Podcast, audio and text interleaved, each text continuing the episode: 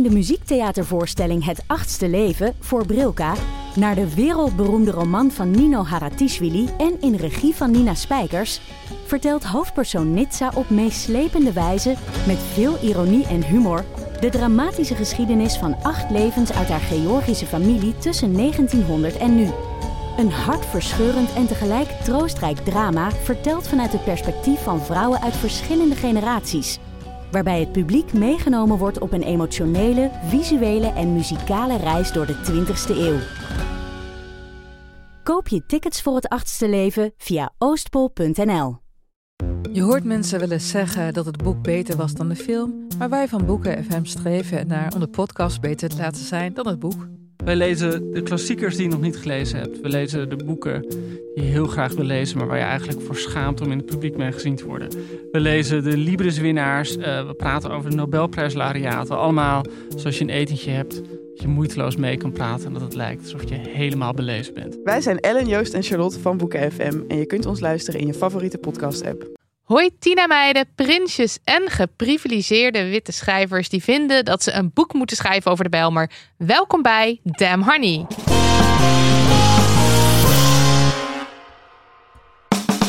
De podcast over shit waar je als vrouw van deze tijd mee moet dealen. Mijn naam is Marilotte. En ik ben Nidia. En dit is aflevering 150. Met een yes, met een no, met een lach, met een traan. Een olijfje. Een kaarsje. Een kaarsje kaasplankje. Eerlijk. Een wijntje.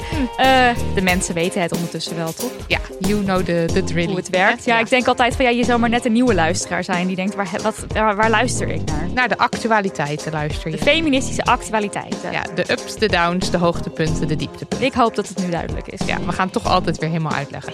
Nou, maar voordat we erin duiken in die feministische actualiteiten, eerst even een leuk bericht een, een semi-leuk bericht. Semi-leuk bericht. In de onderwerpregel van deze mail stond... Wat? Met drie A's en een uitroepteken. Ja. Ik heb net de aflevering beluisterd. Zo begon de mail ook. Geen hey of hoi, maar gewoon bam. De tranen staan me in de ogen en ik kan nog niet janken van herkenning, verbazing en ongeloof. Nog nooit zijn ik en mijn bestaansrecht zo goed beschreven. Ik ga de mensen die ik nog over heb na 27 jaar chronische pijn vragen deze podcast te beluisteren en te onthouden. Ik stuur het ook naar mijn behandelend specialisten, huisarts, psycholoog en naar de eikels die zich specialist noemen en me niet serieus namen. Met of zonder mascara op mijn wimpers.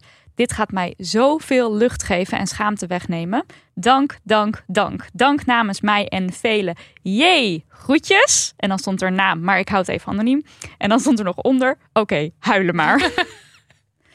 ja, wow. Ik uh, vind dit heel erg leuk. Ik moet zeggen, de, de mensen met chronische pijn zijn een dankbaar publiek. Kan niet anders zeggen, want er kwamen veel berichtjes binnen. Van ja. dankjewel voor het maken hiervan. En dat vind ik dus zo fucking schrijnend. Ja. Omdat dat mij eigenlijk maar weer eens bevestigt hoe weinig aandacht er uitgaat naar chronische pijn, naar chronische ziektes. Um, dus ik vond het heel leuk om die berichtjes binnen te krijgen. Maar ook niet oké. Ja.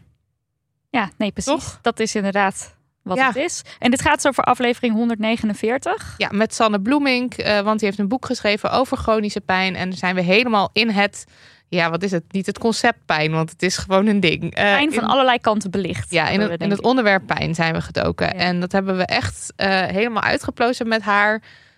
En ja, het is gewoon een onderwerp waar veel en veel meer aandacht naartoe moet. En ja. dit laat dat ook weer zo zien. Dat je dus uh, 27 jaar uh, ziek bent, chronische pijn hebt. En dat dit dan dat dit voor het eerst is dat je zo jezelf in iets kan herkennen. Dat ja. is ja, ja, bizar. Dus veel meer aandacht naar dit onderwerp nogmaals. Dus mensen, luister die aflevering en geef het door aan uh, de mensen om je heen. Bevind jij je op de datingmarkt en heb je ook zoiets van, nou, ik wil daar eigenlijk ook wel weer van af? Spits dan even je oren, want hier is een woordje van onze sponsor, de dating app Hinge. Designed to be deleted. Het idee is, de dating app Hinge helpt jou om je ware liefde te vinden, zodat je de Hinge snel weer aan de wilgen kunt hangen. En het grote moment was daar. Wij hebben allebei een profiel aangemaakt op Hinge, zodat we stiekem een kijkje konden nemen. Een beetje loeren op de datingmarkt waar iedereen het maar te pas en te onpas over heeft. Precies. En ik ben dus een sucker voor dating apps. Want ja, ik ga gewoon heel lekker op dat gevoel van potentie, weet je wel. Al die mensen die de liefde aan het zoeken zijn. Alles is nog Ja, maar mogelijk. dat kan dus niet, want jij bent niet beschikbaar voor die mensen. Nee, maar ik ging een beetje loeren. Jij ging gewoon een beetje loeren. Nou, het leuke en speciale aan Hinge is, dat weten jullie wel, maar toch, ik ga het toch eventjes uitleggen. De prompts. Ja. Eh, oftewel ijsbrekers, gespreksopeners. En die hebben we dus nu in actie mogen aanschouwen. Ja, en ze werken dus echt als een malle op mij. Ik Als een tiet. Ja, echt als een tiet. Eh, ik was ehm, erg onder de indruk van alle leuke mensen die mij voorgeschoteld werden. Voornamelijk vrouwen, jee vrouwen. Eh, en die hadden- echt hun, hun, hun best gedaan om hun profiel dus leuk en grappig in te, vullen, in te vullen. En ik moest mezelf hevig bedwingen om niet alles te liken. Ja, bedwingen, ja. Ja, Is het ook gelukt? dat of, eh, bedwingen dat ging dus medium goed. Meid zit nog steeds op Hinge. Ja, eh, ik, heb de, ik heb wel niet meer dingen geliked, maar Hinge staat nog steeds op mijn telefoon. Kijk, ik heb dus heel veel prompts geliked, want eh, ja, die kan je dus ook. Je, kan niet, hoeft niet alleen de foto te liken, maar ook die prompt. Ja, excuse me, maar als iemand op diens profiel heeft staan, ik ben ervan overtuigd dat teleporteren de beste superkracht is, of wat je kunt verwachten als je met mij op date gaat, dubbele punt, iemand die paniekerig aan het zoeken is in haar tas omdat ze weer eens wat kwijt is. Ik sla daarop Jij aan. moet dat dan liken. Ja, dat is een stukje herkenning, een stukje erkenning. ik denk dan, wij worden vrienden. Ik wil onmiddellijk kletsen over deze overeenkomst. Maar het laat dus wel gewoon heel goed zien in de praktijk. Die prompts zorgen voor stof tot gesprek. Ja, en eh, very, eh, extra very fun is dus dat er ook specifieke LHBTIQA prompts zijn. Zoals eh, de eerste keer dat ik zeker wist dat ik gay ben was, puntje, puntje, puntje. En dan kan je dan invullen. En mijn Favo LHBTIQA plek is, puntje, puntje, puntje. En dan kun je dus meteen een queer-friendly gesprek induiken. Download de app Hinge op je telefoon. Maakt niet uit of je een Android of een iOS gebruikt.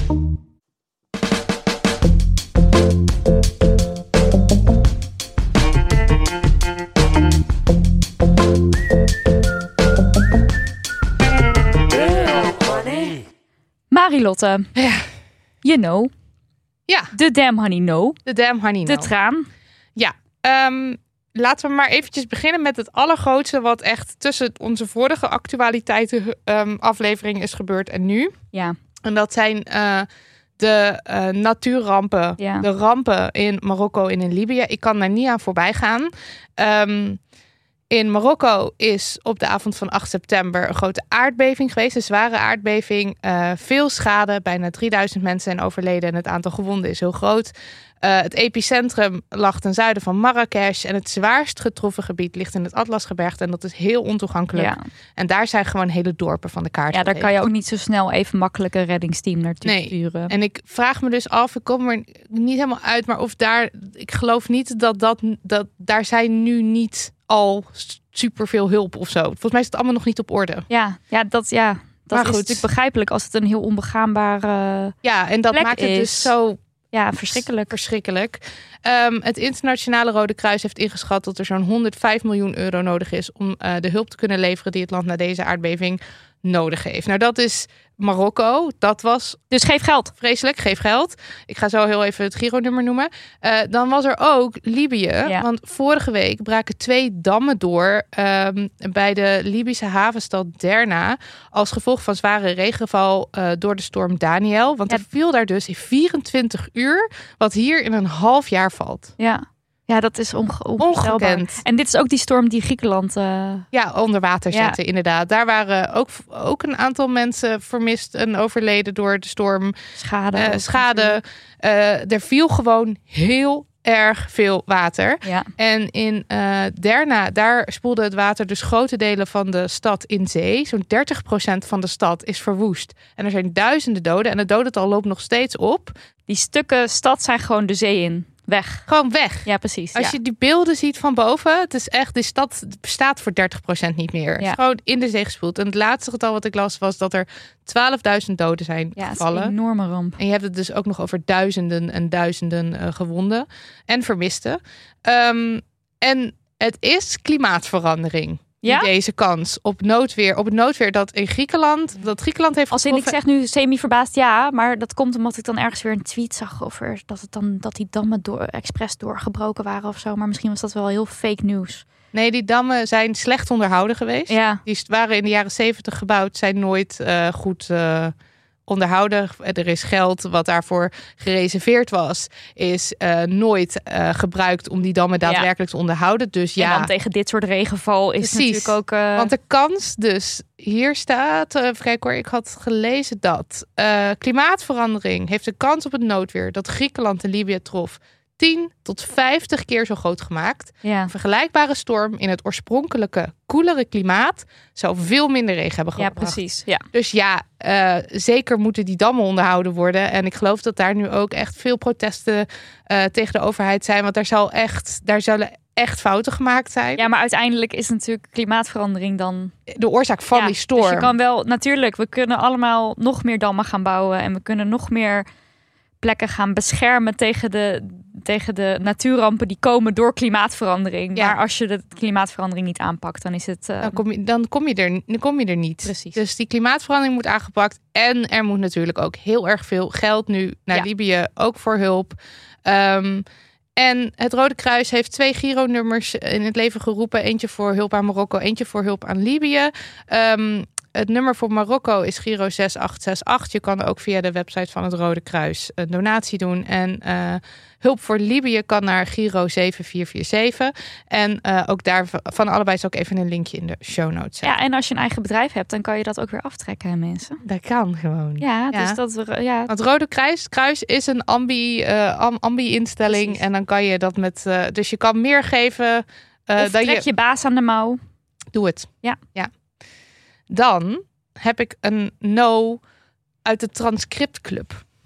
Hoe dan? Onze geliefde transcriptclubs. Daar kan toch geen kwaad of geen slechts uitkomen? Nee, maar ze zijn wel heel scherp. Oké, dit zijn dus de mensen, even voor de even ter hè, resume of zo, hoe zeg je dit? Even ter Ter verduidelijking. verduidelijking. De mensen die eh, helpen de audio om te zetten naar tekst, zodat iedereen die op welke manier dan ook geen gebruik kan maken van de audio, toch onze podcast kan lezen. Ja. Wat geweldig is. En die mensen die zitten dus in een appgroepje Ja. met elkaar. Zodat Ik zou kunnen zeggen, heel gezellig. heel We gezellig. gaan ook een uitje doen binnenkort. Ja, dat is op mijn verjaardag. Dat Ja, wij kunnen enig. Ja, we kunnen niet want we moeten spelen en ons ook mijn jaardag. Maar eh, ik vind het heel erg leuk dat ze dat uitje gaan doen. Ja. En eh, soms dan eh, delen ze gewoon iets leuks of Een no, een no. zoals nu. En dit was er wel eentje die ik even uit wilde lichten. Want dit was een no over de Tina-dag. Die was afgelopen weekend. Eh, dat is een weekend in Duinrel. En dan, eh, kijk, de Tina en de Tina-dag is voor meiden tussen de 8 en 16 jaar oud. Dat is de doelgroep, zeg maar. Er gaan Ja. wel jongens heen, eh, maar voornamelijk meiden. En dan staan daar allemaal standjes. Ik heb zelfs al, zelf wel eens op de Tina-dag gestaan toen mijn eerste boek uitkwam. Ach, om te Ja. signeren. Om te signeren. Ja, dan was er zo En hoe heet dat boek als mensen het nu nog willen lezen? Mm, dat boek heet Lekker Belangrijk. Het is erg heteronormatief en Hives speelt ook nog een rol. Toen was je ook nog hetero. Was ik nog hetero, dat Ja. ik niet weten. Zou je nu helemaal anders aanpakken? Maar ik vind nog steeds wel, als toen, dan blader ik er doorheen en denk ik, ach, ik was 22, ik probeerde ook wat. Ja, maar de jeugd kijkt wel echt uit naar jouw jeugdboek voor queers. oh ja, Of als ik die waar een queer personage de hoofdrol in speelt. afmaak. Ehm, maar goed, anyway, ik stond op die Tina-dag. Dat is echt geweldig. Want al die, er was een klein promoboekje gemaakt met een soort voorstukje van mijn boek. En daar willen ze dan allemaal handtekeningen in. Het was geweldig. Ja.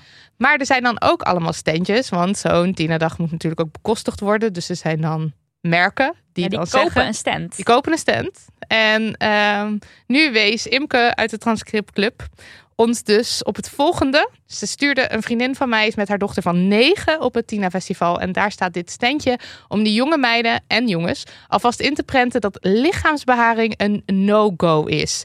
Ik ga het merk niet noemen. Nee, maar dit is weer zo... Dit was weer zo Ja, dan echt zie je dat dus. je denkt... Excuse me, Er werd een- Tina Dag. Dus er werd een foto meegestuurd van dus een standje en dan het merk, merknaam. En daaronder stond dan verwijdert haar snel en zonder pijn. Op En een gezellige er dan- banner waar dan eh, gladgeschoren benen op staan. Ja, en Een dan- roze, gezellige roze En dan banner. staan daar een paar van, dan zie je een paar van die jonge meisjes daar staan. Ja. Dan denk ik, nee, Doe het niet, trap er niet in. Ja. Doe het niet. Oké, dus eh, dat is zeker een no. Tina dag, doe dit nou niet. Nee. Neem even een, doe even, neem even een voorbeeldfunctie functie aan. Ja. Doe gewoon eventjes, eh, weet ik veel. Ik zit er alleen maar nee. Ja! Maar ja, ik ben het erg met je eens. Tina dag niet doen. Nee, Tina dag, no. Oei. Nou, en eh, mijn laatste no was ook weer echt zo weird. Ehm, Weird. Ja, ik, mijn mond viel... Oh, brak. Club, ze bedoelt hier weird. Weird. Oh ja, straks krijg je weer zo... Ik kon echt niet verstaan verstaan wat Marilot ze hier zegt. weird. Eh, wacht, neem even een slokje. Oh. Mm, erg weird. Ehm, eerlijk gezegd zag ik deze commotie langskomen en ik kon eerst gewoon echt... Ik dacht oprecht eventjes dat ik een post van de speld aan het lezen was. Ja. Dat dacht ik echt en dat is het niet. En dat maakt het echt nog tien keer kutter. Dat het gewoon... Nee. Goed, het gaat over het boek Mimursa. En het is geschreven door mensen Evening. Ja. En eh, uitgegeven bij uitgeverij Vermees. Ja. Ehm, Goed gezegd Ja. allemaal. Transcriptclub, als je het niet konden verstaan, appen maar eventjes. Al die mensen die terugspoelen om Ja. te denken, hè, waarom, hè? Oh, dat hoorde ik even niet. Nee, ik heb het uh, expres niet uitgesproken, want ik wil er verder ook niet te veel... Geen eh, reclame. geen reclame voor maken. Nou, en dit boek gaat over Maria. Eh, zij is een student aan de kunstacademie en ze vraagt haar ouders, haar rijke ouders, om een appartement voor haar te kopen in de Bijlmer, omdat ze graag met gangsters naar bed wil. Ehm, dit is denk ik gewoon eventjes wel voldoende om te weten op zich. Meteen op pagina 1 is er gewoon mega seksualisering van zwarte mannen. Ehm, ze gaat naar bed met zwarte mannen om zich af te zetten tegen haar ouders natuurlijk. Dus het is een soort daad van rebellie. Oh ja, dus het is dan ook daarmee impliceert het ook dat het dus iets. Iets wat je niet doet. Iets Nette je niet- meisjes doen dat niet Precies. natuurlijk. Ja. Ja, Nou, ja, de Bijlmer wordt eh, in dit boek afgeschilderd als een mistroostige plek. Eh, het hoofdpersonage is wit en rijk en eh, nou, gaat met haar moeder op pad om een appartement, een mistroostige flat eh, in de Bijlmer te kopen. En haar moeder is dan trots op de bescheidenheid van haar dochter, dat ze ondanks al die wilde en rijkdom waar ze in is opgegroeid, zo nobel is om tussen de sociale eh, huur te gaan wonen. Het is een beetje de synopsis. Nou, ik kan al niet meer. de toon is gezet, vond Ben- ik wel meteen. Ik ben er klaar mee. Ik ga even weg. Ja, dat is goed. Ik zie jou later. Ehm, ik heb het boek even doorgebladerd. We hadden het opgestuurd gekregen. Niet die Huh? We hadden het opgestuurd gekregen. Ja, wat jij hebt teruggestuurd. We laten dit boek even aan ons Maar ik voorbij. wist niet dat we het hadden Er zat opgestuurd een pdf gekregen. bij, zag ik net. Oh, Ik heb hem even ik doorgeskipt. dacht dat jij het letterlijke fysiek boek ook had. Nee, pdf. Ik heb het eventjes eh, doorgebladerd en gescand. Want ehm, er is namelijk... Ik heb een, eh, een interview geluisterd met de auteur... Eh, en zij blijft maar zeggen: lees het hele boek nou, lees het hele boek nou. Dus ik heb, nou ja, voor zover ik lees niet zo Dat is nog een slimme truc, hè? Ja, fucking naar boek schrijft en dat je dan net zegt, ja, Nee, maar je moet het hele boek lezen. lees want dan, boek. dan blijkt dat het allemaal heel Ja. goed was. Het is dan echt zo van. eh, jullie begrijpen het niet totdat je het eerste en het laatste woord hebt gelezen of zo. Maar Dus jij goed, lezen. ik lezen. Maar goed, het stond al in mijn mailbox, dus dat prima.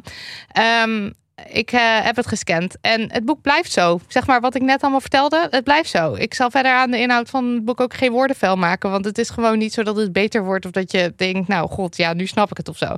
Ehm, nou, eerste wat ik deed eh, als, als reactie op dit boek was eh, mijn opengevallen mond dichtklappen. Want ja, dat Oh. moet ook blijven gebeuren. Nou, en dat is niet omdat ik vind dat iemand dit niet zou mogen schrijven. Want kijk, da- daar hoorde ik haar ook over van het is vrijheid van meningsuiting en zo. Ja. En dat is zo, schrijf all you want. Maar ik vind het gewoon best wel heftig dat een uitgeverij dit uitgemolken perspectief... Want ik bedoel, het is niet nieuw. Dat een, een wit personage neerkijkt op mensen van kleur. Ja. Eh, blijkbaar interessant genoeg vond om het uit te ja, geven. ik, s- ja, ik weet niet of je dat allemaal nog gaat zeggen, maar ik zie het gewoon als één grote provocatie. Ja, Als één maar- grote jezelf in de kijker spelen, als één grote... Kijk, mij eens eventjes lekker dit opschrijven. En, het, dit- en heus wel weten wat de reacties daarop gaan zijn. En dan kan je daarna lekker gaan zitten huilen dat je gecanceld bent. Nou ja, precies. Want en dan gaan je mensen ziet je dan... boek toch kopen, want je hebt aandacht gekregen voor je boek. Nou, gefeliciteerd. Ja, ik heb, ja, ja, dat dat zal het ongetwijfeld zijn.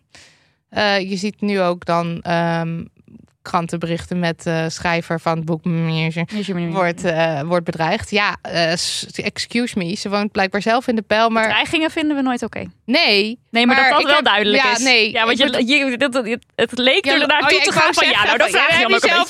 En dat is niet zo, maar ik heb dus het idee dat inderdaad dit een soort ingecalculeerd iets is. Ja, zo voelt het voor mij wel heel erg. ja, Ja. en dat vind ik gewoon. Ik vind het schandalig dat die uitgever dit ja, nou. Nou, en er gaan echt, ik bedoel, wij weten uit Het is ervaring. niet zomaar een uitgever, hè? Maar eh, Nee, het is best wel een eh, gerenommeerde uit, uitgever. Maar, eh, ja. Ehm, maar, en wij weten uit ervaring ook langs hoeveel ogen het gaat. Ja, joh, en hoeveel manuscripten er wel niet op die, op die stapels liggen van mensen die dolgraag een boek willen uitbrengen. En Ja. nou ja, hm, hm, Nou, hm. ik kwam vandaag wel een hele goede column tegen van Karin Amatmoukrim. Zij Mhm. is letterkundige en columnist eh, voor NRC. En zij schreef dus heel treffend het volgende. De zwarte mensen waarover wordt gesproken of geschreven in het boek hebben geen diepte. De Belmer wordt niet meer dan wat alle bange buitenstaanders er al decennia over schrijven. En alles van kleur is enkel in het leven geroepen om de psychologische ontwikkeling van een wit personage aan te zetten. Het gebeurt al in de Nederlandse literatuur sinds Leon de Winter, sinds Joost Vageman, sinds Robert Vuistje. Daar is niets vernieuwend aan. Het is dezelfde literaire luiheid in een mottig tweedehands jasje. ja, kan ik vond dat literair noemen zo- überhaupt? Ja, ik weet het ook allemaal ik niet vond hoor. het erg treffend. Ja, heel, ja. En eh, er hebben veel mensen hier eh, iets over gezegd. Ik kwam ook een post tegen van Lia Park. Die schrijft erover eh, op Instagram het volgende. De lichamen van mensen van kleur worden al sinds oudsher geseksualiseerd. Dit is altijd al onderdeel geweest van de ontmenselijking. Als we mensen zien als seksobjecten of dieren, dus niet als mensen. Als we ze tentoonstellen, dan hoeven we niet naar ze te luisteren. We hoeven ze niet te respecteren of te beschermen. En ja, er worden gewoon heel veel slimme dingen gezegd hierover. Maar ja, feit blijft dat dit boek dus gewoon nu weer eh, in de winkels ligt, in de kijker is gespeeld. Ja, en al die Ehm, mensen die er dan zogenaamd, ja, die er dus slimme dingen over zeggen, die kunnen over duizend en één onderwerpen slimme dingen zeggen, die, die veel meer toevoegen dan dat ze weer dit riedeltje moeten afdraaien. Ja, en kijk, eh, de auteur zelf die kan dan zeggen van... ik denk niet dat het schadelijk is voor de mensen in de Bijlmer. Eh, en ze wil ook niet haar excuses aanbieden voor haar Hoe kunstwerk. kan ze denken dat dit niet schadelijk is? Dat vind ik dus ook bizar. Maar want- zou ze dat dus echt... Ja, ik geloof dit dus niet. Ik geloof dat hele ding niet van... eh, eh, nou, maar zo... eh, ik, dat ze doet alsof het dus niet... Volgens Ja. mij weet ze dat allemaal heel donders goed. Nou, dat lijkt me ook. Maar als je dus haar... want ik, ik vond het dus best wel tof eigenlijk dat Funix haar ging interviewen. Want de interviewer die deed dat dus best wel... kalm- Rustig. Redelijk tegenstelling kalm tot ons ge- Ja, want ik, ik was al wel lang helemaal, maar hij bleef best wel rustig. En dat vond ik wel knap. Wel gewoon onderbreken, want de boel moest door, maar gewoon kalm en rustig. Ja, En, ehm, maar zij blijft er dus bij van, zij blijft ook de hele tijd zeggen van, ik heb nooit gezegd dat het een neutraal perspectief is, maar dat is ook helemaal niet waar mensen over vallen. Want je mag best een boek schrijven wat het perspectief van één mens eh, laat zien. Eh, zij zegt ook, ik heb nooit beweerd dat dit, de, dat dit de waarheid is. Dat is ook helemaal niet wat mensen zeggen. Wat, wat, we, wat we, wat mensen zeggen is, dit is een perspectief wat gewoon wat schadelijk is, wat stereotyperend is, wat wat, we al tig is. keer gezien En hebben. wat we al tig keer gezien hebben. En Wat wat, toch ook die film? Van iets van eh, Tata's the Movie of zo? Ja, ging dan ook weer over een wit gezin wat dan in, in Ja, rijk wit of in de. Bijlmer of in ja, iets precies. wat misschien dan niet de Bijlmer heet, maar wat dan lijkt op de Bijlmer. En, En dat was ook dit verhaal, ook zo'n soort verhaal. Ja, en ook eh, alleen maar eh, eh, nette Ja, mensen. van Robert Vuijs. van Ja, Robert precies. Het is zeg maar, je, je ziet de hele tijd dit in een soort, in een soort nieuw jasje of zo. En dat is gewoon echt jammer. Geef, ge- en de, weet je, de boekenwereld is al fucking wit. En mensen van kleur krijgen al nauwelijks voet aan de grond daar. Zowel eh, auteurs als gewoon mensen die daar werken op de redacties. Als daar, ja, je, kan gewoon, je weet gewoon dat dit alle- bijna alleen maar, ik kan niet zeggen, ik weet het niet, maar door witte ogen bekeken is. Lees boeken van mensen van kleur. Ja. Als je wil lezen over mensen van kleur, ga niet dit boek lezen. Ehm, ja, nee, dit is gewoon een, eh, een witte meid die kapitaliseert op eh, stereotypering en racistische. Ik hoop en, dat ze niet zozeer kapitaliseert. Ik hoop ook dat ze niet kapitaliseert, dus koop dat boek niet. Emma Sleep is terug als zeer gewaardeerde sponsor. Je zou kunnen zeggen, de sponsor van onze dromen. Ja, het is september. Een groot deel van de mensen is weer vol aan de bak. Wij ook. Het is buffelen. Theatershow komt er weer aan. Eh, we zijn bezig met een boek. We zijn aan het podcasten. En wat helpt dan om dit alles in goede banen te leiden? Een formidabele nachtrust. Heel goed, Nidia van Voorthuizen. Ja, en bij Emma Sleep kun je bijvoorbeeld terecht voor zalige kussens. En ik spreek hier uit ervaring, want sinds ik een kussen van Emma heb, is mijn andere toch eigenlijk best wel prijzige, chique kussen waar ik ooit helemaal heftig in geïnvesteerd heb, verbannen naar de grond naast de wasmand. Zielig, Ja. maar begrijpelijk. Eh, je kan er ook terecht voor matrassen. dat kan ik dan weer uit ervaring zeggen. Tijdens mijn vakantie heb ik toch zeker drie maal daags aan mijn geliefde Emma gedacht. Absence makes the heart grow fonder. Prachtig. Maar je kunt er ook terecht voor volledige boxspringbedden in allerlei maten en kleuren. Ik heb me net zitten verlekkeren aan de nieuwste box, boxspringbedden op de markt. En ze bieden kwaliteit, ondersteuning en comfort. Ook erg comfortabel. Emma biedt gratis bezorging van boxsprings. En de mensen die hem komen brengen, zetten hem ook nog eens voor je in elkaar in je slaapkamer. Dat alleen al zou mijn nachtrust goed doen. Ga naar emma-sleep.nl. Gooi in je winkelmand dat ene object waar je slapende ik naar verlangt. En krijg bovenop de mogelijke korting die al op het product zit, nog eens 10% korting met de aan elkaar geschreven code DAMNHONEY. Wat? Oh my god, oh my god. Oké, even ter voorbeeld. Het boxspringbed van mijn dromen staat hier op de website. Premium Velvet in emerald groen. Erg mooi. Ja. En daar zit nu op dit moment 49% korting op. Maar met de code DAMNHONEY in hoofdletters aan elkaar krijg je daar dus nog extra 10% korting bij. Emma-sleep.nl Nidia, maak de mensen eens blij. Ik kom met nieuws uit Den Haag. Oh, Ons tweede, tweede huis. huis. Ja, toch? We Ja. zitten daar de hele tijd. Ja. Eergisteren zaten we daar, morgen zitten we er, overmorgen zitten wij daar. Het is tijd voor een leuk buitenhuisje. Ja, ja, ja, ja. dat kunnen wij wel it. financieren van een- Absoluut. onze petje affers. Een leuk buitenhuisje ergens Heerlijk, eh, aan de rand van Den Haag. Nou, ik heb dus nieuws. Eh, vandaag, de dag dat we opnemen, is het Prinsjesdag. Ja, oh leuk als je het zo aanvult af en toe. Toch? Ja, gezellig. Wij zijn er vroeg bij met onze opname deze week. Dus je zult zien dat wij enorm worden ingehaald door de actualiteit. En dat deze podcast ehm, in de prullenbak kan. Ja, of dat maar je... dat is dan maar zo, want wij zitten dus morgen en overmorgen in Den Haag. Dus we hebben geen tijd. Nee, precies. Of dat je de hele tijd nog eventjes wordt onderbroken met eh bericht uit de toekomst. Ja, bericht uit de toekomst, er is iets ergs gebeurd. Oh, laten we hopen dat dat niet zo is. Nee. Nou, deze Prinsjesdag is een inhoudelijk lichte dag. En dat is omdat we dus met een demissionair, demi, demissionair kabinet zitten. Goed zo. De eerste keer zei ik het al goed, of niet? Ja. Echt moeilijke woorden. Een wel. kabinet dat gevallen is. Ja. En dat is kut. Want een heel groot deel van de boel waar men mee bezig is, als zijnde kabinet, ligt stil. Ja. En ik dacht, ik pak even een zijweggetje. Want ehm, dit is ook tussen onze actualiteitenafleveringen heen doorgeglipt. Dus hebben we nog helemaal niet besproken. Namelijk dat een van die dingen die stil ligt, nu dus bijvoorbeeld de behandeling is van de vernieuwde transgenderwet. Ja, dat is echt kut. Ja, want dat is echt al, nou ik zou willen zeggen duizend jaar. Maar in 2019 is deze wet in de maak gegaan. Basically En duizend jaar geleden. Basically duizend jaar geleden. Eh, en die, eh, die wet die zou er dus eenmaal doorgevoerd voor moeten zorgen dat je ehm, zonder deskundige verklaring je geslachtsregistratie kan aanpassen. Dus op je paspoort dat je dan kan zeggen van V naar M, van M naar V. Helaas niet de X, want ik wilde dat al opschrijven, MVX. Lisa van Ginneken die heeft er ook voor gepleit eh, van D66. Maar ehm, daar heeft ze toen toch een aparte initiatiefwet van gemaakt om vertraging van de vernieuwde transgenderwet tegen te gaan. Ja, dat is dan ook weer zo. En dan nu. Wat? Ja, omdat dan op het moment dat ze dat nou nog zou toevoegen, Oh. dan zou er nog dan zou vertraging kunnen oplopen. Oké, maar nu zou je het ja, kunnen it dus nou, Ja, zeg precies. maar. Fast ja. forward. En het is allemaal enorm uitgesteld en Ja. het gaat eindeloos lang duren.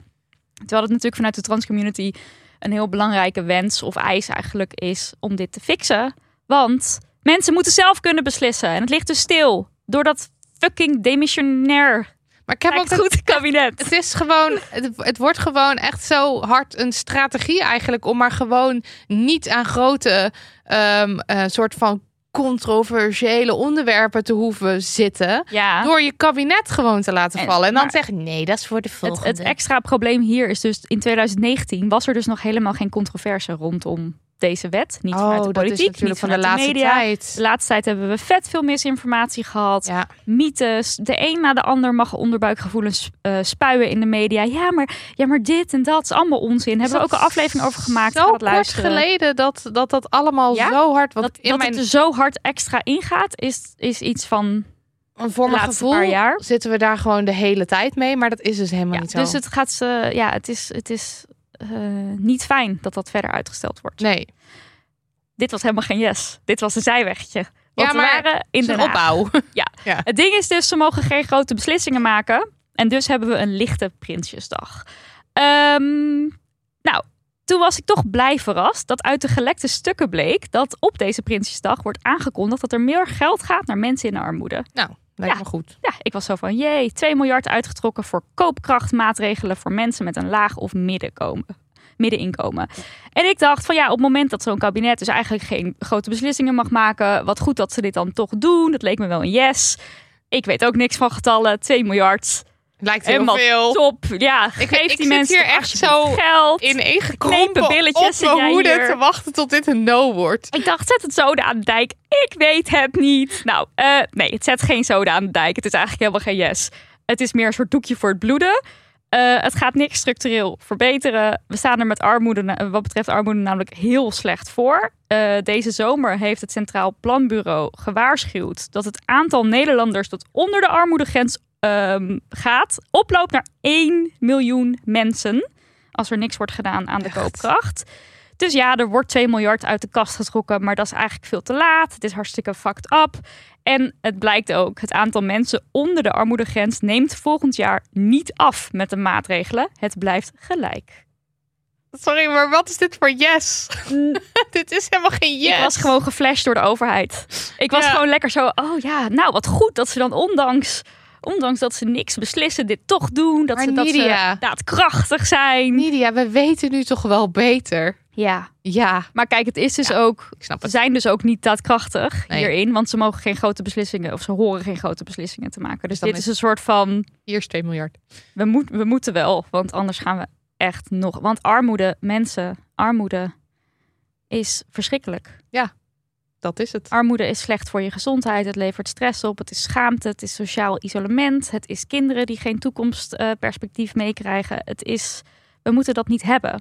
Wat ik dus op zich wel positief vond, is dat er dus ehm, eh, onderzoek is gedaan in opdracht van de NOS. En daaruit blijkt dat in Nederland eh, er een breed gedeelde wens is om de welvaart in het land eerlijker te verdelen. Ja, dat las ik ook. Nou. En dat vind ik dan wel weer, als dat een breed gedragen wens is, dan klinkt dat alsof dat iets is wat, wat kan worden aangepakt. Ja, twee derde van de Nederlanders die vindt het belangrijk dat welvaartsverschillen kleiner worden. Eh, ja, lijkt me ook volledig logisch en terecht dat mensen dat vinden. Maar dus bij eh, linkse partijen vinden ongeveer 80% van de mensen vindt dat. Maar ook bijvoorbeeld bij de VVD-kiezers 43%. Dus VVD, eh, VVD-mensen, luister naar die mensen en pak het aan. Doe er wat mee. Ja, Het is fucking schandalig dat er in een rijk land als dit zoveel, zoveel mensen, onder de arm armoedegrens wonen. En dan heb je het over onder de armoedegrens. Maar alsof het niet ook fucked up is als je er net een beetje boven zit. Alsof je dan rond kan komen. Alsof Alsof, je dan dan een geen soort stress van- hebt. Alsof je dan geen stress hebt. Dus bedankt voor die miljoenen. Maar ook eigenlijk niet. Geef meer. Is er nog en wel denk eraan als je naar de stembus gaat in november. Heb je wel Aan die transgenderwet. Aan, aan, de, aan de... Nou, ik had wel ook wel leuk nieuws uit Den Haag. Thank God. Extinction!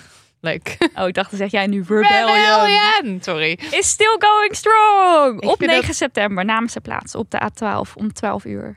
En ze zijn vooralsnog elke dag teruggekomen om 12 uur. Wij zitten aan die livestream gekluisterd. Echt, elke hoor. dag. Ik eh, denk elke dag, oeh, is dat 12 uur? En dan zit ik er weer. En eh, wij waren er op zaterdag 9 september ook bij. Ja. En eh, afgelopen zondag ook weer. Want sorry, als je ook naar die livestream, als je er bent geweest. En dan kijk je de volgende dag weer naar die livestream. Dan denk ik echt, ik moet er weer heen. Ja, je ik moet daar weer heen. bij zijn. En het is, ik vind het echt, ja, ik ben heel benieuwd hoe ze het gaan doen. Want kijk, ik denk niet dat de fossiele subsidies, ehm, daar gaan we het zo nog even over hebben, denk ik, eh, binnen eh, op korte termijn dat dat allemaal geregeld is. Nee, Dus ze moeten daar, denk ik, vrij lang zitten. En ik ben heel benieuwd hoe dat gaat. Maar ik ben echt onder de indruk van de afgelopen dagen. zeker. Eh, want er zit telkens echt wel een behoorlijke groep. En een grote groep support. Ja. Ook elke keer. En dan gewoon hop, weer op die baan. En weer, nou ja, en soms worden ze wat sneller van de weg gehaald dan eh, op andere keren. Maar ik vind het echt. eh, Vandaag mochten ze verbazingwekkend lang blijven zitten. Ik denk ook vanwege Prinsjesdag misschien. Politiecapaciteit die kant op. ja, dat denk ik. Ehm, maar wat er, wat er ook zo vet aan is. Wist jij van het bestaan van fossiele subsidies voor Extinction Rebellion? Nee, ik had geen idee. Zij hebben dat echt op de kaart gezet. Ja, Want nou, ik had ook geen idee, maar ik had ook geen idee van de cijfers. En ik heb het eens even teruggezocht. En wij hebben de eerste keer dat wij het noemden in de podcast, waren wij in de veronderstelling dat het om 17,5 miljard ging. Ja. En daar was dan ook, daar had iemand had dat rapport dan opgesteld. En daar was ook best wel wat kritiek op. Van nou, wat een onzin en overdreven. Nou, toen werd het later 30 miljard. Hebben we ook in de podcast gezegd. Mhm. Toen werd het 37,5 miljard. Ja, ik moet lachen, maar het is natuurlijk verschrikkelijk. En toen, vandaag of gisteren, bleek uit de gelekte Prinsjesdagstukken van klimaatminister Rob Jetten dat het gaat om een jaarlijks bedrag tussen de 39,7 tot 46,4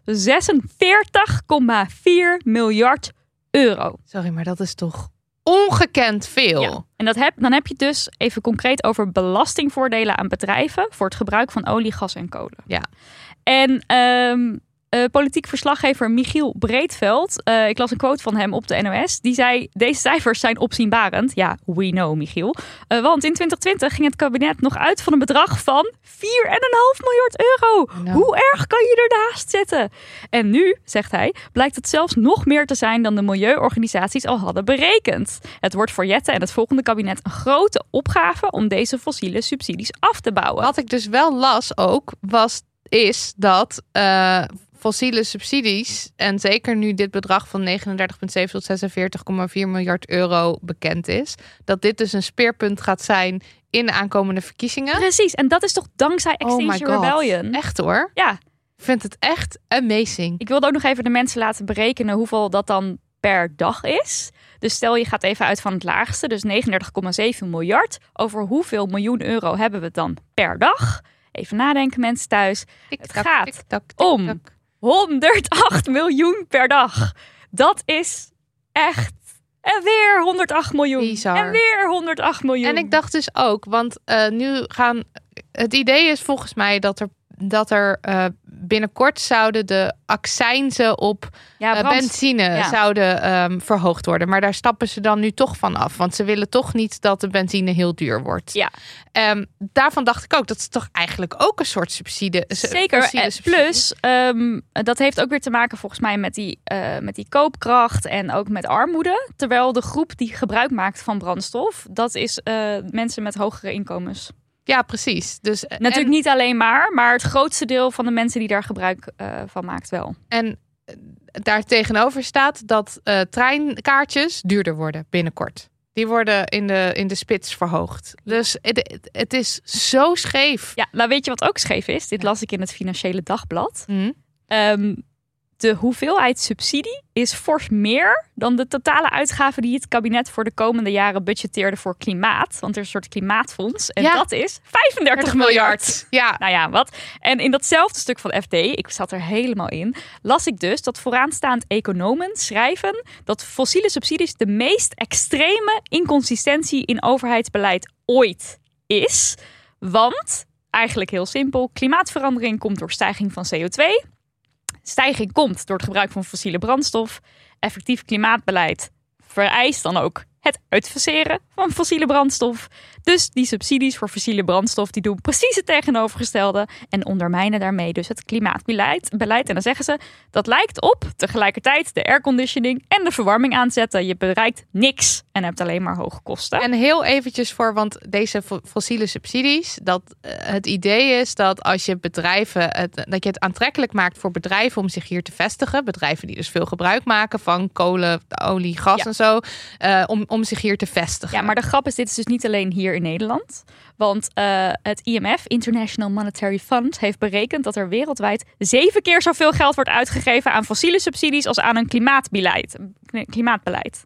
Staat ook in dat FD-stuk. Zeven keer. Nog- Wereldwijd. Oh, wereldwijd. Ja, ja, Ja. ja. dat is. Dus fossiele subsidies is niet alleen in Nederland het ding. Het is op heel veel plekken een ding. En eh, wat je dan natuurlijk krijgt, dat mensen zeggen van ja, maar dan gaan al die bedrijven. Ja, Als jij dan, als jij dan gaat zeggen Shell, we vinden het niet leuk meer, dan gaat Shell naar het buitenland. En dat willen we En niet. dat zou natuurlijk heel erg zijn voor ons. nou ja, en Want we, krijgen zeggen- daar, we halen daar natuurlijk ook geld uit. Ja, en ze zeggen, dan, dan verdwijnt Shell of dan Tata Steel of weet ik veel wat je hebt, dan verdwijnt dat uit ons zicht. En dan kunnen we helemaal niet meer Kunnen we zien geen regelgeving wat meer. ze dan Ja. doen. Nou, ook daar heeft het FD dus gewone antwoord op. I love it. I love you, FD. I love you voor aanstaand economen die dit stuk hebben geschreven. Eh, als bedrijf X dus ehm, dat, dat potje geld niet meer krijgt, dan zouden ze dus, nou, fuck jullie, ik ga naar een ander land. Nee, eh, zegt eh, het Centraal Planbureau. Daar is geen bewijs voor, voor het zogenaamde weglek-effect. Er is ook een voorbeeld van, van Shell. De duivel, Shell. Ja. Ooit heeft de toenmalige Shell-CEO Jeroen van der Veer gedreigd om de raffinaderij in Pernis naar België te verplaatsen. Maar Shell die kreeg zijn zin niet. En Waar staat dat ding tegenwoordig? In Pernis. Nog steeds. Ja, want een lopende fabriek sluiten en het dan weer ergens helemaal anders helemaal gaan opbouwen is gigantische kapitaalvernietiging. Waarom zou je dat doen? Al dus de vooraanstaand economen in het FD. Ja. Eh, ook zo eentje. Ja, maar dan gaan ze naar China en naar India. Ja. Want daar geven ze geen moer. Nou, zeggen de vooraanstaand economen in het FD. Ook landen als India en China, waar weliswaar 70 tot 80 procent van de energieproductie nog gebaseerd is op kolen, zetten agressief in op niet-fossiele energieproductie. Dus waar zouden de Tata Steels van deze wereld naartoe moeten? Ze zullen overal tegen steeds strenger klimaatbeleid aanlopen. Ja, dus het is echt een non-argument om dit te zeggen. En misschien dat sommige bedrijven het wel voor elkaar krijgen, dat Ja. kan. Maar uiteindelijk is het zo dat de hele wereld beweegt naar eh, Maar klimaatbeleid. we moeten ook wel. En ik Ja. denk ook altijd, dan sta je met een buurman of zo, of een buur, sta je dan hierover te, te praten of misschien te discussiëren. En dan gaat dus. Kijk, ik heb er ook geen verstand van, hè? Zeg maar. Ik weet ook niet hoe het opgelost moet worden, maar het moet anders. En het is best wel apart eigenlijk dat dan iemand die helemaal niks te maken heeft met Shell, Shell gaat lopen verdedigen alsof het zijn beste vriend is. Zo van nee, maar we moeten Shell echt houden. Van, bedoel, why? ja, maar ja, ja. Ja, why? Hoezo? Wat is Maar, dat ding en- dat we daar zo aan vast willen houden? En we, we moeten naar nieuwe opties kijken. En die nieuwe opties die kan ik misschien niet zo zelf gaan bedenken, want ik zit er niet eh, genoeg in. Maar iemand moet dat gaan doen. En als ik op die A12 ga zitten, daarmee schreeuw ik eigenlijk. Het moet anders. Die zitten. Het Ja. moet anders. En nee, ik kan niet antwoord geven op alle moeilijke vragen. En ik weet ook niet altijd wat het, het beste is of waar we dan het meest geld mee kunnen verdienen. Maar we moeten iets doen, want er gaan fucking veel mensen nu al Op dood. dit moment dood, ja. Ik Al, bedoel, al, al heel lang gaan er heel veel mensen dood. Libië is gewoon een rechtstreeks gevolg hier van, van wat we aan het doen zijn.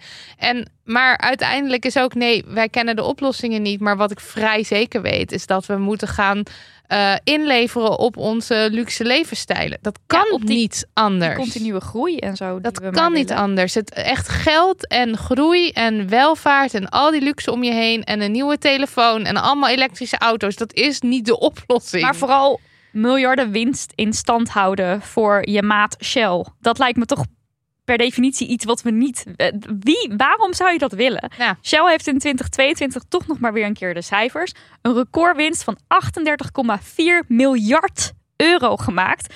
Waarom zijn we ze geld aan het toestoppen? ja. Why? Grappig hè, hoe ik van een yes echt een soort één grote shitshow weet Maar te maken. Is er niet een yes? De, want de staat Cal- Californië heeft volgens mij een Ja, maar- aantal. eh, ja, ja. maar ik wilde eigenlijk eerst nog even iets vertellen over Extinction Rebellion vandaag. Kort. ja. Want vandaag was het Disabled eh, dinsdag. Mhm. En ehm, er werd een hele goede speech gehouden eh, vanuit Disabled Rebels. die samen door Disabled Rebels geschreven was. Ehm, ik heb begrepen dat het niet zozeer een actiegroep, maar gewoon rebellen met handicaps die hun ervaringen eh, delen en samen dingen ondernemen. Een soort sociale groep. En die speech, ik, ja, ik hoop eigenlijk dat die nog ergens terug te lezen gaat zijn, want het was heel goed. Ehm, wat er namelijk gebeurd is de afgelopen dagen, is dat mensen die een rolstoel gebruiken, dus die zichtbaar een beperking hebben, van de A12 uit de blokkade ge- ge- ja, gero- gewoon Ja. gerold. Gewoon zonder toestemming worden ze gewoon weg uit die demo gehaald en in de supportdemo gezet. Wat natuurlijk totaal niet oké is, gaat tegen demonstratierecht in. Eh, en deze speech die ging erover dat eh, mensen met een beperking prima zelf kunnen bepalen hoe ze zich uitspreken tegen onrecht. En dat ze zelf wel weten wat hun lichamen aankunnen. Als ze daar gaan zitten, er staat een waterkanon, daar zijn ze zich heus wel van bewust. Eh, dus ga ze niet zogenaamd beschermen Nee. door ze eruit te halen. Eh, sowieso, ze zeiden ook van als je echt zo begaan bent met eh, mensen met een handicap, gebruik geen waterkanonnen. Want er kunnen ook allemaal mensen tussen zitten die geen zichtbare handicap hebben, die daar ook ehm, ja, een, een, een arm uit de kom of weet ik veel wat van kunnen krijgen. Als je, ehm, hoe heet dat, Eh hyper, hypermobiel bent. bent. en je krijgt die straal eh, flink op je schouder, kan het natuurlijk ook heel naar uitpakken. Maar Precies. Het ziet er natuurlijk niet zo heel goed uit voor de politie als iemand een rolstoel gebruikt en weggespoten wordt door dat waterkanon. Dus de politie denkt, nou, dat doen we even anders. Maar dat is dus niet eh, oké. Nee, dat is niet oké. Ik dacht dat jij wat wilde zeggen. Nee, ja, ik Nee. ben het gewoon mee eens. Ik, ik hoorde dat ze van de, van de, de- dat ze dan de allerlaatste op de A12 zijn en dan ook weggehaald worden. Het is, het is zo raar, want dat hele waterkanon, dat is geweld. Ja, dat is geweld. Dat is geweld of iemand nou wel en of alsof de rebellen niet alsnog komen. Iedereen weet het nu. We Iedereen hebben gewoon regenjassen aan. Iedereen heeft droge kleren mee. Ja, we zijn op voorbereid. We weten dat het heel shit is, maar kom maar op. Ja. Weet je, fucking waterkanon. Ehm, en ook even voor de mensen die hier dus nog nooit bij hebben stilgestaan. Als er calamiteiten zijn, dan wordt dus heel vaak mensen die een rolstoel gebruiken niet meegenomen in het vluchtplan. Oftewel, fuck you. Jij bent hier. We hebben geen idee over hoe we jou gaan redden. Je zoekt het maar uit. Het is voor mensen met een beperking of mensen die van een rolstoel gebruik maken zo vaak een fuck you van de maatschappij de Ja. hele fucking tijd. Ja. En dan nu opeens zou de politie wel keren. Dat is echt niet het aan de hand. nergens over. Maar het is, het, het is dus ook nog even extra in. ehm, als je dus naar klimaatrampen kijkt. eh, Disabled mensen hebben dus daar ook wel degelijk groot. Die ondervinden daar nog grotere heftige gevolgen van. Dus ook extra reden om daar dus te gaan zitten en voor je en te Ja. demonstreren. Ja. Ehm, nou, eh, dan eh zeiden Disabled Rebels: wil men echt mensen met een beperking hebben? Stop met fossiele subsidies. Wat wij nodig hebben is toegankelijkheid en een wereld die niet in de fik staat. Ja, heel sterk. Na deze speech werden de mensen die een rolstoel gebruiken alsnog uit de demo gehaald tegen hun zin in. En dan inderdaad het nieuws uit de US of A. Ja. Eh, California, ook even over klimaatverandering en geld. Dit is toch wel een soort yes. Dit is een yes. Ik vind het een yes. Ik vond dit echt hoopvol. De staat California sleept vijf grote olieconcerns voor de rechter. Dat is toch vet? Ja, ehm, wat, wat ze willen, de, ze ehm, stellen dat de bedrijven dus miljarden moeten gaan meebetalen aan de kosten van klimaatverandering. Die klimaatverandering veroorzaakt. Zeg ik het duidelijk? Ja. Want die bedrijven, die zouden volgens de aanklacht echt al jaren, dus sinds de jaren 70, precies weten dat hun producten gevaarlijk zijn. Dat ze voor klimaatverandering zorgen. Ehm, en bovenop dat ze de informatie hadden, zouden ze ook nog eens expres eh, desinformatie gaan verspreiden. En daar dus ook echt weer miljarden dollars tegen aangooien. Om eigenlijk de rapporten die ze zelf ooit hebben opgesteld. Om te laten zien van wow, dit Ja. is echt gevaarlijk. Dit moeten we echt niet doen. Om dat dan weer een beetje te gaan ontkrachten. En een beetje zo van nou is dat wel zo? Moeten we wel ons hier heel druk om maken? Ehm, ja, en daar, gaan ze dus, eh, daar gaat een rechtszaak over komen. Ja, en dat vind ik zo cool. Ja, als die rechter daar een uitspraak over gaat doen ehm, in favor of, ten, Dan- ten behoeve van de aanklager, Dan is het denk dan ik kan dat echt- hele grote consequenties Ja, hebben. want het waren echt ook grote, eh, grote eh, Shell. Shell, BP, eh, Exxon, eh, Mobil. Mobil. zo. Geen niet. Exxon. Noem ze allemaal maar op. Ja, precies. Al Ja. die grote, grote... Ja, ik las zelfs dat ze zelfs failliet zouden kunnen gaan. Maar ik weet niet of dat waar is, want het nou, dat ik wil zijn het. zulke grote bedrijven. En in iedereen, want ik eh, ehm, zag dat eh, Gerrit Hiemstra, die, die was eh, even op de radio. Een Ach, Gerrit Hiemstra. Oh, Gerrit Hiemstra. Hij is ons ontvallen als weerman, maar hij is nog altijd in ons hart. Precies. En hij, want dan krijgt hij dus ook de hele tijd de vraag van ja, maar hoe moet dat dan? En we kunnen toch niet zomaar stoppen met dit en met met. Hij krijgt ook al die vragen waar ik Maar hij net heb geprobeerd te pareren. Ja, maar hij zegt ook gewoon laten we het gewoon eens proberen. Ja, maar dat is precies het ding. Van Ja. hou nou eens op met de hele tijd maar zeggen van ja, maar, ja, maar, ja, maar, ja, maar. Laten we het gewoon eens proberen. En als het niet werkt, dan kunnen we dan kijken hoe we het wel kunnen Het laten werkt nu werken. ook niet. Het werkt nu ook niet. Het is niet dat dit soort van het beste is van het slecht. Dit is het slechtste van het slechtste waar we nu in zitten. Laten we in godsnaam. Nou, ik hoop dat ze failliet gaan. En dat we gewoon eventjes Hij zonder die het. fossiele brandstoffen zitten of zo. Weet ik veel. De mensheid redt zich toch wel, lijkt mij. Ja, ik zeg zal nu wel weer. statement. Straks krijg ik eh, onge- ongetwijfeld berichten. van- heb Zonder wel- fossiele subsidie of Ja. zonder fossiele brandstof kan jij niet lekker achter je laptopje een podcast maken. Nou ja, dat is dan maar zo. Dat is dan maar zo. Ja, precies. Eh, ja, kom ook een keer naar de A12, joh. Kom. Als je dat leuk vindt. Nee, niet naar de, Nee. niet naar de A12. Daar zouden wij komen. nooit Nee. mensen toe oproepen om dat te doen. Absoluut en we zouden ook niet. zeker niet alle mensen bedanken die berichtjes hebben gestuurd van ik was er dankzij jullie. Zo van wow, dat is echt tof. Nee, dan zouden we Nee, nooit zeggen dat dat tof is. We zouden ook inderdaad ons nooit laten arresteren. Nidia zal zich nooit op een karretje door de politie laten vervoeren naar de arrestatie. zou nooit floppy gaan. Nee. Nee. Nee, zou ze nooit Ging doen. floppy. Ja, ze ging floppy. Ze vond het zo spannend. Het was ook spannend. Floppy is dus dat je je helemaal slap maakt en dat je niet meewerkt met de politie. Als de politie zegt, loop je zelf mee naar de arrestatiebus. En dus, En dan zeg je nee.